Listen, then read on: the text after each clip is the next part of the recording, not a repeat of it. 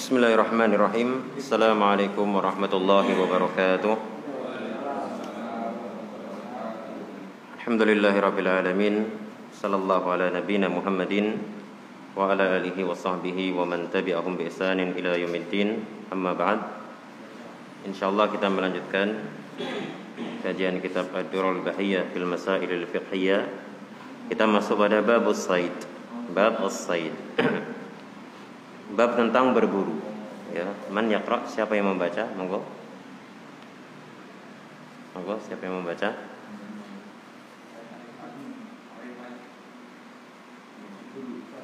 Berburu.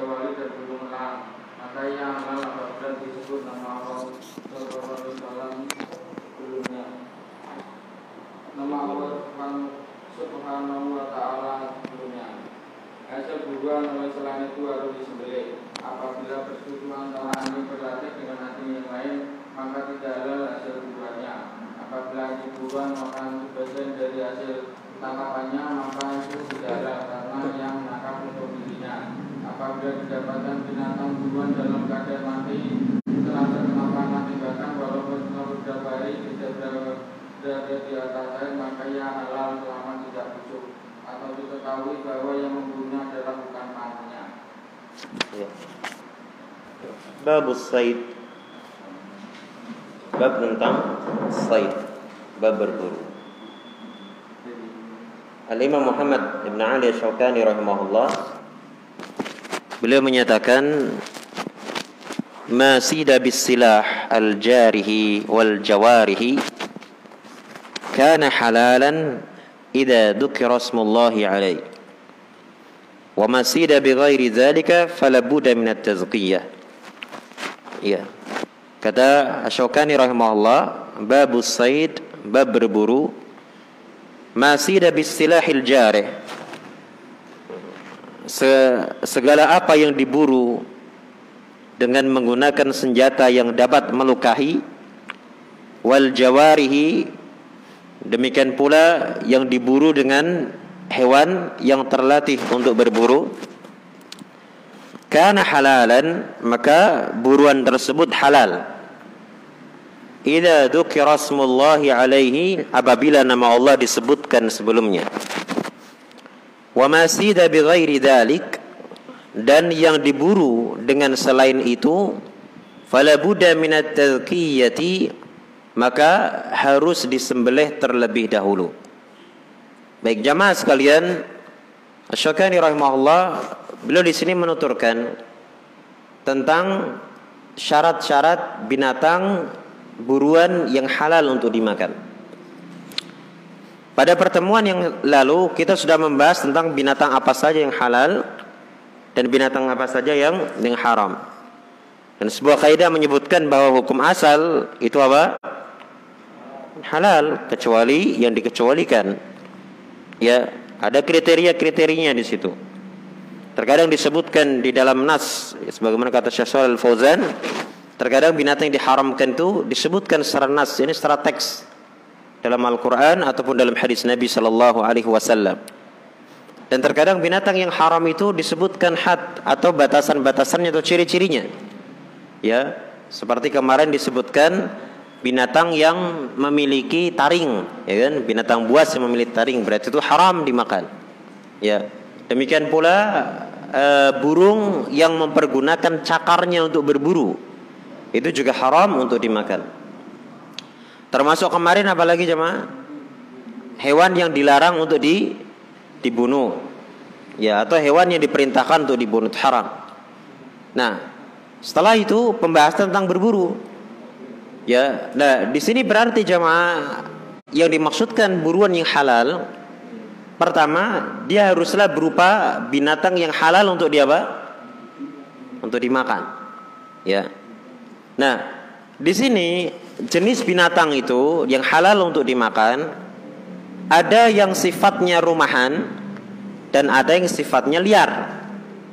Yang sifatnya rumahan ya seperti sapi, kambing, ayam, sifatnya rumahan. Kalau yang sifatnya liar, ya itu seperti rusa, kemudian apa? Kijang, ya. Nah, itu halal dimakan, tapi dia tidak rumahan, sifatnya liar. Nah, kalau sifatnya liar itu perlu untuk dibu diburu. Maka kalau kita berbicara tentang hewan buruan jemaah sekalian, yang dimaksudkan hewan buruan adalah hewan liar yang halal untuk dia apa? Dimakan, ya. Kalau dia itu tidak halal untuk dimakan, berarti tidak boleh dia apa? Diburu. Kalau dia bukan hewan liar, maka tidak perlu di tidak perlu diburu, bukan hewan liar kok diburu kan. Baik, makanya sebagian dari guru-guru kami menyebutkan bahwa binat eh, apa buruan pembahasan buruan ini terkait binatang halal yang liar. Kata Syaukani rahimahullah beliau mengatakan masih bisilahil jarihi binatang yang diburu dengan astilahil jari senjata yang al jarih yang bisa melukai. Ya. Wal jawari dan binatang al jawari yakni binatang yang bisa melukai juga. Binatang yang apa? Yang bisa melukai juga. Karena halalan maka binatang itu yang diburu halal. Idza dzukira smullahi alaihi apabila disebutkan nama Allah sebelumnya. Ya. Berarti jamaah sekalian halalnya buruan yang diburu kemudian dia mati itu dipersyaratkan dia diburu dengan uh, atau dipersyaratkan dua atau tiga hal. Ya, yang pertama dia diburu menggunakan senjata yang bisa melukai, kemudian disebutkan nama Allah. Ya, atau dia diburu dengan memanfaatkan binatang terlatih yang bisa melukai dan disebutkan nama Allah sebelumnya. Dia oleh karena itu jamaah sekalian seandainya seseorang itu berburu kemudian dia menggunakan senjata tumpul dia sebutkan nama Allah lalu dia dapati binatang yang dia buru itu mati halal apa tidak? Nah syarat pertama kata Syokani apa? Uh, harus menggunakan senjata tajam yang bisa melu melukai. Kemudian disebutkan nama nama Allah. Berarti kalau misalkan senjata itu tidak tajam, nggak bisa melukai, nggak boleh. Kalau dia dapat binatangnya mati, nggak boleh. Ya. Lain persoalan, misalkan dia melukai dengan dengan apa? Dia menyerang dengan alat yang tidak bisa melukai. Ya, kemudian binatangnya itu belum mati ya, mas. Kalau binatangnya belum mati ya tinggal dia apa? sembeli saja. Ya. Kemudian yang kedua al jawari. Ya, al jawari, al jawari sebagaimana diterangkan binatang yang terlatih.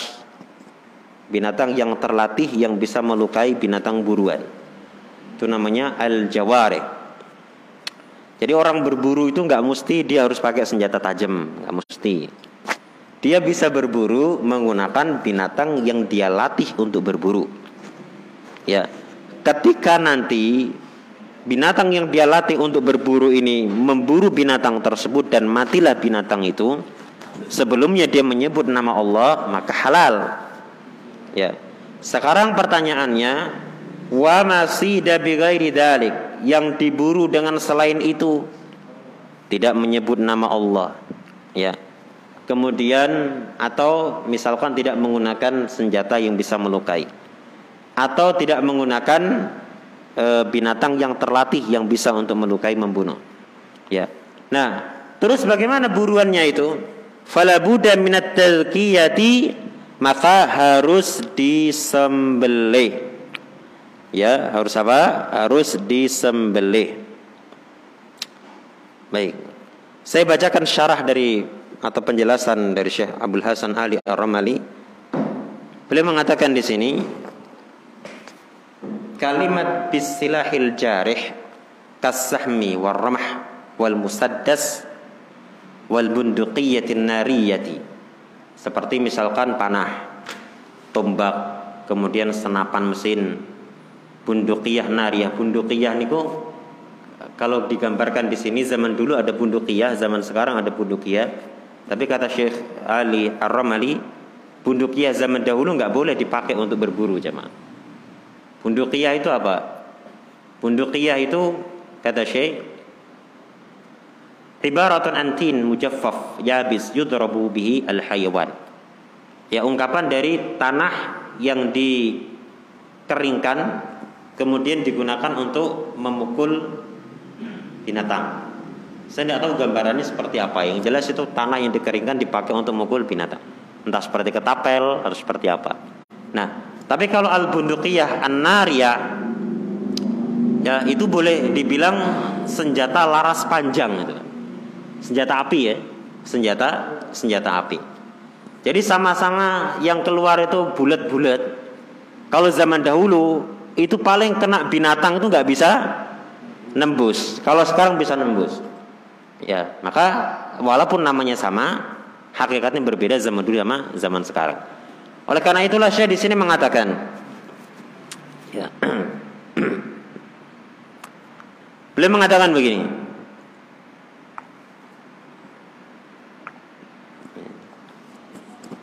هذه لا يجوز aqlu الصيد الذي يصاد بها إذا لم yudrak قبل موته ويزكى nah bundukiah yang dipakai pada masa itu tidak boleh dia memakan hasil buruan dengan itu dengan sebab tersebut. Idalam yudrak qabla mautihi kalau dia tidak mendapati sebelum kematiannya wa dan dia sembelih. Nah ini seperti yang saya sampaikan tadi jamaah. Ketika misalkan seseorang berburu dengan menggunakan senjata yang tidak bisa melukai, ya, atau dia berburu tidak menggunakan binatang yang terlatih atau yang dia latih untuk berburu, ya, atau tidak disebutkan nama Allah, ya, binatangnya mati, jadi bangkai, nggak boleh, nggak halal. Nah, bisa halal gimana? Ketika kita dapati binatangnya belum mati, lalu kita sembelih. Berarti jamaah sekalian, kita itu menghalalkan binatang tersebut bukan sekedar dengan cara berburu, tapi dengan cara apa? Disembelih. Oke. Kalau misalkan jadi panjenengan bedakan antara binatang yang disembelih dengan binatang yang diburu. Nanti akan ada sendiri jamaah pembahasan adzabah namanya. Ya, kalau buruan ini walaupun nggak di sembelih itu halal. Ya, walaupun nggak disembelih itu halal binatang buruan. Kalau dia mati, kemudian eh, kita berburunya sesuai dengan ketentuan disampaikan Syaukani tadi. Apa ketentuan pertama jemaah? Alat yang dipakai alat yang bisa apa? Alat tajam yang bisa melukai. Ya, kemudian dia mati. Ya, dia sebutkan sebelumnya bismillah. Di saat misalkan dia mau lempar pisaunya dibaca bismillah. Pakai Ar-Rahman Ar-Rahim apa enggak? Enggak, bismillah saja. Bismillah. kemudian nancap, mati dia. Halal apa tidak? Halal. Halal dia. dia nggak jadi bangkai. Dia nggak jadi bangkai. Kemudian kalau misalkan uh, kita menggunakan binatang, contoh menggunakan binatang terlatih, istilahnya al-kalbul muallam. Misalkan ada anjing, anjing terlatih ini, Kemudian kita lepaskan anjing tersebut. Ya. Ternyata anjingnya menerkam lalu menggigit binatang itu, rusa itu dan mati. Mati dia. Halal apa tidak rusa tersebut? Halal. Ya. Maka yang harus diperhatikan, jadi walaupun eh, sebelumnya walaupun tidak disembelih matinya, maka hukumnya halal. Kemudian saya di sini mengatakan Wadalilu ala anna alat sayd la budda an takhziqa. Dalil bahwa alat berburu haruslah yang bisa merobek atau melukai atau mengoyak yang nggak bisa yang tumpul-tumpul itu. Hadits Adi bin Hatim, hadits Adi bin Hatim Ya qultu ya Rasulullah, aku berkata wahai Rasulullah, Inna nursilul kilabal muallama. Kami melepaskan anjing yang muallama, anjing yang diajari untuk berburu. Al-kalbul muallam huwa al-mudarrab ala sayd. Al-kalbul muallam kata Syekh adalah anjing yang memang dididik untuk berburu, anjing berburu. Walaisal maksud. Dan ini jamaah hadis Nabi mengatakan al-kalbul muallam atau al-kilab al-muallama. Jangan difahami itu sekedar apa uh, anjing saja. Maka saya mengatakan laisal maqsudu bihi laisal maqsudu bihi al kalb al ma'ruf faqat. Yang dimaksudkan bukan hanya sekedar anjing saja yang diketahui bukan sekedar anjing yang ma'ruf di kita itu. Balil jawari allati tasluhu lis-sayd al kilab al jariha kal fuhud ya. Bal jawari allati tasluhu lis-sayd ya. Al-kilabul jarihah kal eh, fahad wal asad wa ghairiha. Ya. Idza kanat tusta'malu lis-sayd hadi tusamma kilaban. Jadi yang dimaksudkan anjing apa biasanya anjing apa berburu itu istilahnya bukan anjing pelacak anjing pemburu ya sudah dikenal istilahnya al-kilab al-muallamah, anjing yang dipakai berburu. Tapi bukan yang dimaksudkan khusus anjing. Ya. Binatang apa pun yang bisa diajari untuk berburu, maka istilahnya anjing berburu.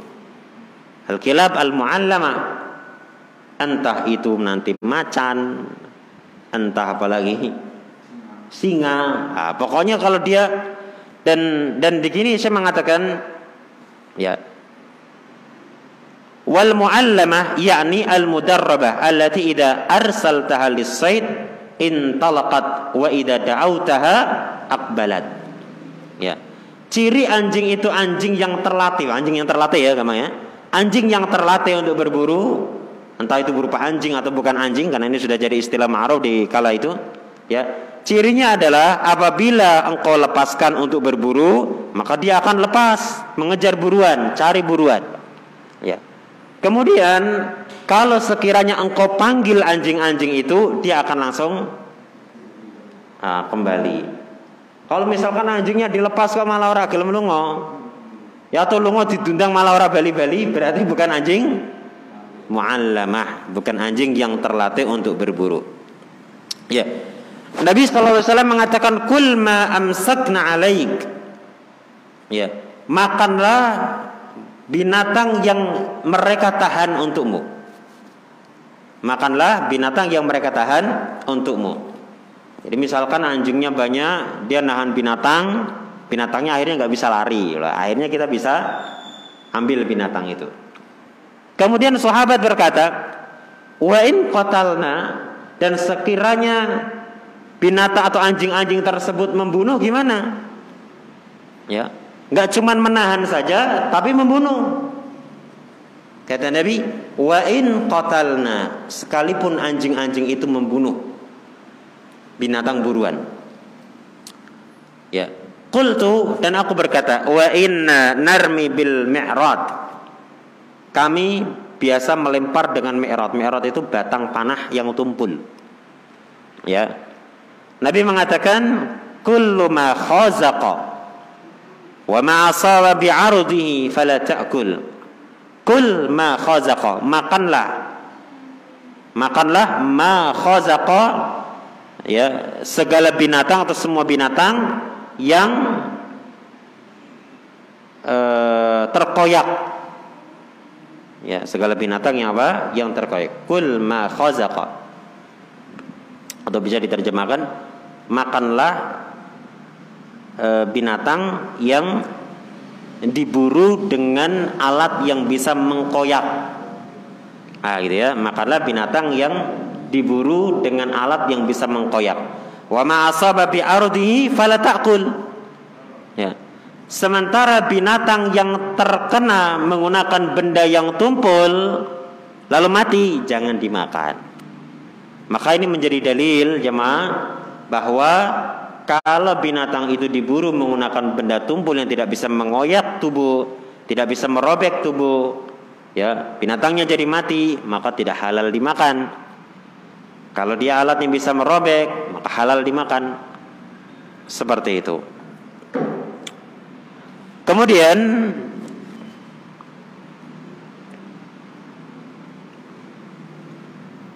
Selanjutnya, amma dalilu ala wujubi tasmiyah Adapun dalil akan kewajiban membaca bismillah maka berdasarkan hadis Abu Sa'labah Al-Khushani. Ya. di sini Abu Sa'labah Al-Khushani berkata, "Ya Rasulullah, inna bi ardi qaumin min ahli kitab." Wahai Rasulullah, kami tinggal di tanah atau di suatu wilayah ahlul kitab Yahudi atau Nasrani Nakulu fi aniyatihim kami makan menggunakan bejana-bejana mereka wa ardi saydin asidu bi qausi dan aku juga hidup di tanah yang membudaya namanya uh, berburu itu Asidu bi qausi wa asidu bi kalbil muallab. Aku berburu dengan menggunakan panah dan aku juga berburu menggunakan anjing yang terlatih. Ya. Au bi kalbi alladhi laisa bi muallab. Atau terkadang berburu menggunakan anjing yang tidak terlatih, yang penting anjing saja. Ya. Fa akhbirni mal ladhi yahillu lana min zalik. Maka kabarkanlah kepadaku mana yang halal dari perbuatan kami itu. Ya. Allah kemudian Nabi mengatakan, Amma ma zakarta annakum bi ardi qaumin min ahli kitab ta'kuluna fi aniyatihim. Adapun apa yang kau ceritakan di mana kalian itu tinggal di tanahnya ahlul kitab, di wilayahnya ahlul kitab. Kalian makan menggunakan bejana-bejana mereka fa in wajabtun fa, fa in wajadtum ghaira aniyatihim fala ta'kulu fiha kalau kalian mendapati selain bejana mereka jangan makan pakai bejana mereka nah, jadi dia tinggal di negeri eh, ahlul kitab Yahudi ataupun Nasrani ya kata Nabi seandainya kalian bisa mendapati bejana selain bejana mereka jangan makan pakai bejana mereka seperti itu Wa ilam tajidu faksiluha. Kalau kalian tidak mendapati, maka cucilah. Maka cucilah summa kulu fiha. Kemudian silahkan makan menggunakan itu. Maka ini pelajaran bagi kita jamaah sekalian kalau ada orang Nasrani memberikan sesuatu kepada kita pakai wadah mereka, maka dilihat ada rincian dalam persoalan ini ya. Kalau misalkan kok kita tahu bahwa orang Nasrani tersebut tidak menggunakan bejana atau wadah itu untuk hal-hal yang najis, maka boleh kita memanfaatkan bejana itu tanpa dicuci dulu. Ya. Kalau kita tahu itu digunakan untuk yang najis, ya, maka boleh memanfaatkan kalau ada hajat sebagaimana hadis ini. Karena hadis ini dalam riwayat yang lain disebutkan bahwa mereka menggunakan untuk hal-hal yang najis. Ya. Kalau kita bimbang ya, kayaknya ini dipakai untuk hal yang najis cuman saya nggak begitu jelas. Nah, keadaan yang ketiga ini dia berhati-hati untuk eh, apa? Tidak memakainya kecuali setelah dicuci. Kemudian selanjutnya kata Nabi Shallallahu Alaihi Wasallam, Wa amma ma dzakarta annaka ardi said. Adapun ceritamu kau berada di tanah yang orangnya suka berburu, fama asabta bi qausika buruan yang kau dapatkan menggunakan eh, panahmu, fadzakarta ismallahi fakul. Ya, lalu kau menyebut nama Allah sebelum melemparkannya, maka makanlah. Wa ma sitta bikal bikal muallam. Ya, fadzakarta smallah fakul. Kemudian binatang yang kau buru dengan menggunakan anjing terlatih. Lalu kau sebut nama Allah maka makanlah. Wa masitta bikalbika ghairal muallam dan yang kau buru dengan menggunakan anjing yang tidak terlatih fa'ad raqta zakatahu faqul.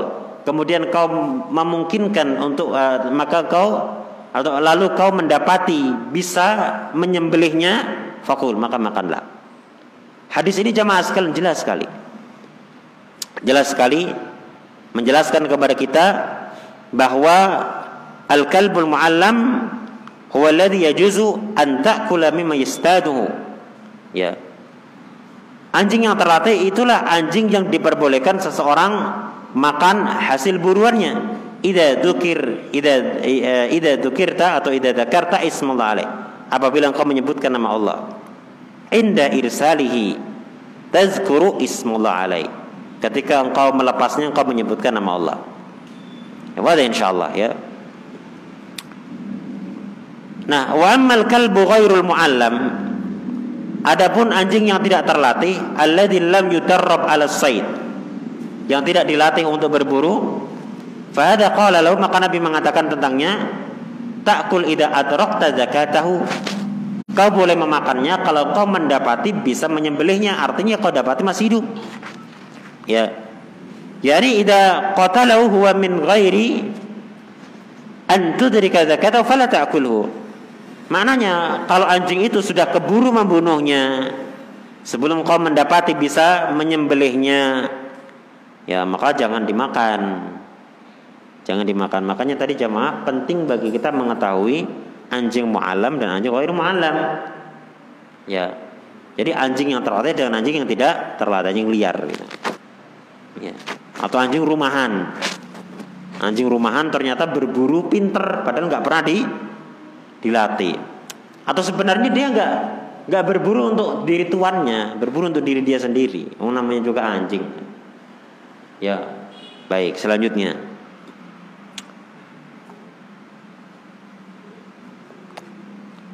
Qala al-muallif rahimahullah wa idza syaraka al-kalba al-muallama kalbun akharu lam yahilla sayduhuma. Apabila anjing yang terlatih bekerja sama dengan anjing yang lainnya tidak halal buruan keduanya. Nah ini anjing terlatih yang sudah dilatih untuk berburu kerjasama dengan anjing yang lain. Ya, Kata Syaukani, lam yahilla sauduhuma. Tidak halal buruan keduanya. Baik. Berdasarkan hadis Nabi sallallahu alaihi wasallam, wa in khalataha kalbun min ghairiha fala ta'kul. Kalau anjing yang terlatih itu bekerja sama dengan anjing yang lainnya, yang tidak terlatih maka jangan engkau memakannya. Kenapa jamaah? Li'annahu la yadri alladhi qatala sayda kalbuhu alladhi samma alai am ghairuhu min al-kilab. Li'annahu la yadri karena dia tidak tahu. Ya, li'annahu la yadri alladhi qatala sayda kalbuhu alladhi samma alai karena dia tidak tahu yang membunuh binatang buruan itu anjing dia yang dia mengucapkan bismillah ataukah anjing yang lain. Jadi bareng jadi anjing kita misalkan ada tiga yang terlatih, ada anjing liar atau anjing orang tapi bukan anjing berburu. Tiga. Ya. Sudah merubung apa? Sudah merubung binatang buruan. Kita tidak tahu yang bikin dia mati siapa. Itu aja, Mak. Atau misalkan kita melihat ternyata yang nyerang duluan adalah anjing yang terlatih. Kemudian setelah itu anjing yang tidak terlatih menyerang. Lah kita juga nggak tahu yang menyebabkan buruan itu mati apakah serangan dari anjing yang terlatih itu ataukah serangan yang ke yang kedua. Ya, Jangan-jangan serangan yang pertama nggak bikin bunuh, nggak bikin mati, baru serangan kedua, serangan anjing yang tidak terlatih bikin bikin mati. Makanya kalau misalkan khalato, bahasanya khalato ikhtilat, ya bergabung di situ, banyak di situ antara anjing yang terlatih dengan yang tidak terlatih, maka jangan dimakan. Kemudian Syekh di sini menyebutkan ada dua gambaran jamaah.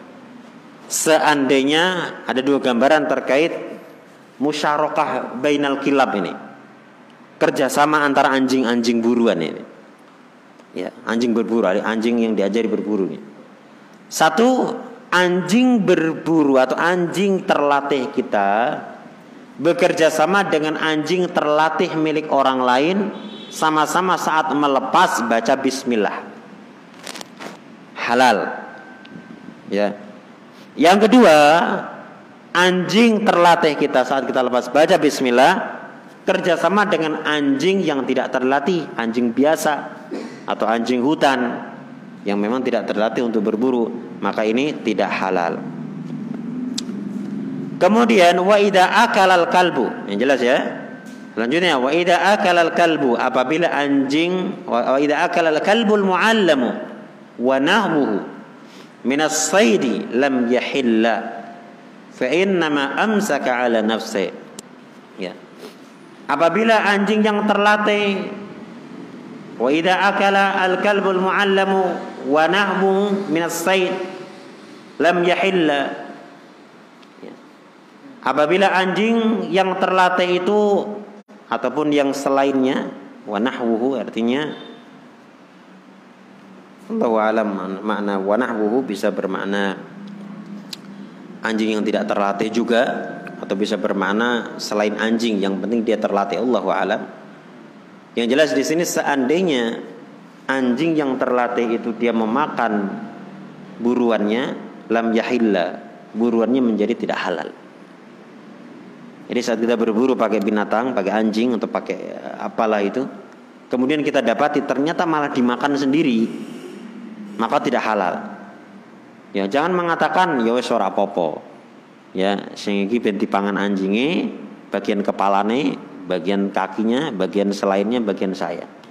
Gak bisa, pokoknya kalau binatang itu yang kita lepas untuk berburu malah makan dagingnya, berarti dagingnya sudah haram untuk kita makan. Kenapa kata Syokani fa nama amsaka ala nafsi? Karena dia menahan atau membunuh untuk dirinya sendiri, bukan untuk sang tuan gitu ya kemudian selanjutnya wa idza wujida saydu ba'da wuqu'ir ramiyati ba'da wuqu'ir ramiyati fihi maitan mayitan walau ba'da ayamin fi ghairi ma'in kana halalan ma lam yuntin aw ya'lam anna alladhi qatalahu ghaira apabila binatang buruan itu didapati setelah tertancapnya ramiyah apa? E, apa itu namanya ya Allah? Tombak ya. Tombak atau panah panah ya. Apabila dia mendapati binatang buruan setelah tertancapnya panah padanya dalam keadaan mati sekalipun setelah beberapa hari di selain air ya maka binatang tersebut halal selama binatangnya belum berbusuk. Selama binatangnya belum membusuk maksudnya. atau selama dia tidak mengetahui bahwa yang membunuh adalah selain apa e, selain panahnya. Jadi ada ditentukan tentuan di sini jamaah. Apabila dia mendapati binatang yang dia buru itu sudah mati. Ya, sudah mati ini. Tapi betul-betul terlihat tertancap di situ panah dia. Ya. Lah terus binatangnya ini hukumnya apa? Kata Syokani binatang ini hukumnya apa? Halal. Walaupun ditemukan setelah tiga hari empat hari, ya, ya halal binatang. Tapi dengan ketentuan selama belum mem membusuk. Ya. Nah, demikian pula selama tidak berada di air. Kalau dia di air walaupun belum membusuk itu tidak halal. Kenapa kata para ulama? Karena dia mungkin saja matinya bukan karena tombaknya, bukan karena panahnya, melainkan karena air. Gitu ya. Kalau matinya itu karena tombaknya itu tidak masalah aja, Mak. Yang jadi masalah kalau matinya karena air. Matinya karena tombaknya itu berarti buruan yang halal. Ya. Demikian pula Selama dia tidak mengetahui yang membunuh itu panah orang lain. Ya. Kalau misalkan dia tahu bahwa yang membunuh itu ternyata bukan panah dia, panah orang lain kan nggak tahu dia nyebut Bismillah apa enggak, ya. Atau misalkan yang membunuh itu bukan panah dia tapi batu misalkan kena batu, atau misalkan kena eh, pohon itu keboleh. Ala kulli hal yang jelas di sini ketentuan disampaikan oleh Syaukani boleh binatang tersebut dimakan atau halal dimakan binatang buruan itu sekalipun dia ketemukan lebih dari satu hari beberapa hari nggak langsung dia temukan dengan catatan tidak di air dengan catatan belum membusuk dengan catatan pula dia tidak tahu ya tidak ada tanda-tanda yang membunuh itu selain dari e, panah dia. Ya. Wallahu a'lamu bissawab. Ada yang ditanyakan?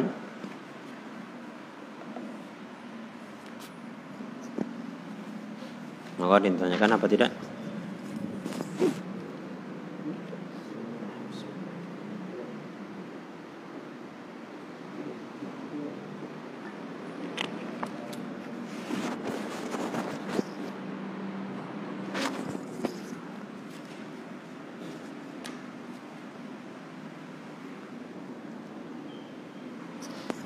Mungkin kadang terbetik bagaimana kalau misalkan anjingnya itu kan kalau nangkap kadang di digigit gitu kan. Lah najisnya bagaimana? Apakah dicuci sebanyak tujuh kali? Jawabannya tidak. Ya, tidak. Cukup dicuci saja. Ya, sebagaimana diterangkan oleh Syaikhul Fauzan, cukup dicuci saja. Ya, ini di dia buat ditoleransi gitu terkait dengan persoalan ini dia ditoleransi. Ya walaupun mungkin pembahasan kita ini tentang soid berburu di masyarakat kita ini kok kayaknya koyorak mungkin, masa kok berburu. Berburu di hutan ini malah ditangkap sekarang kan. Tapi namanya ilmu itu jamaah sekalian harus dihidupkan. Ya ilmu itu harus dihidupkan. Kalau misalkan kita nggak ada yang tahu tentang hukum-hukum semacam ini, bagaimana? Karena hal yang semacam ini hukumnya fardu kifayah tetap harus disampaikan umat Islam harus tahu hukum ini. Ya walaupun tidak setiap orang membutuhkan apalagi di masa ini. Ya di masa ini di negeri kita di Kendal nggak dibutuhkan. Insya Allah kalau yang dibutuhkan pembahasan besok tentang azaba atau penyembelihan. Insya Allah kita lanjutkan pertemuan yang akan datang.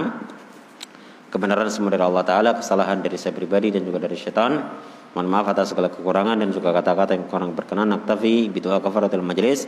Subhanakallahumma bihamdika asyhadu an la ilaha illa anta astaghfiruka wa atubu ilaik. Assalamualaikum warahmatullahi wabarakatuh.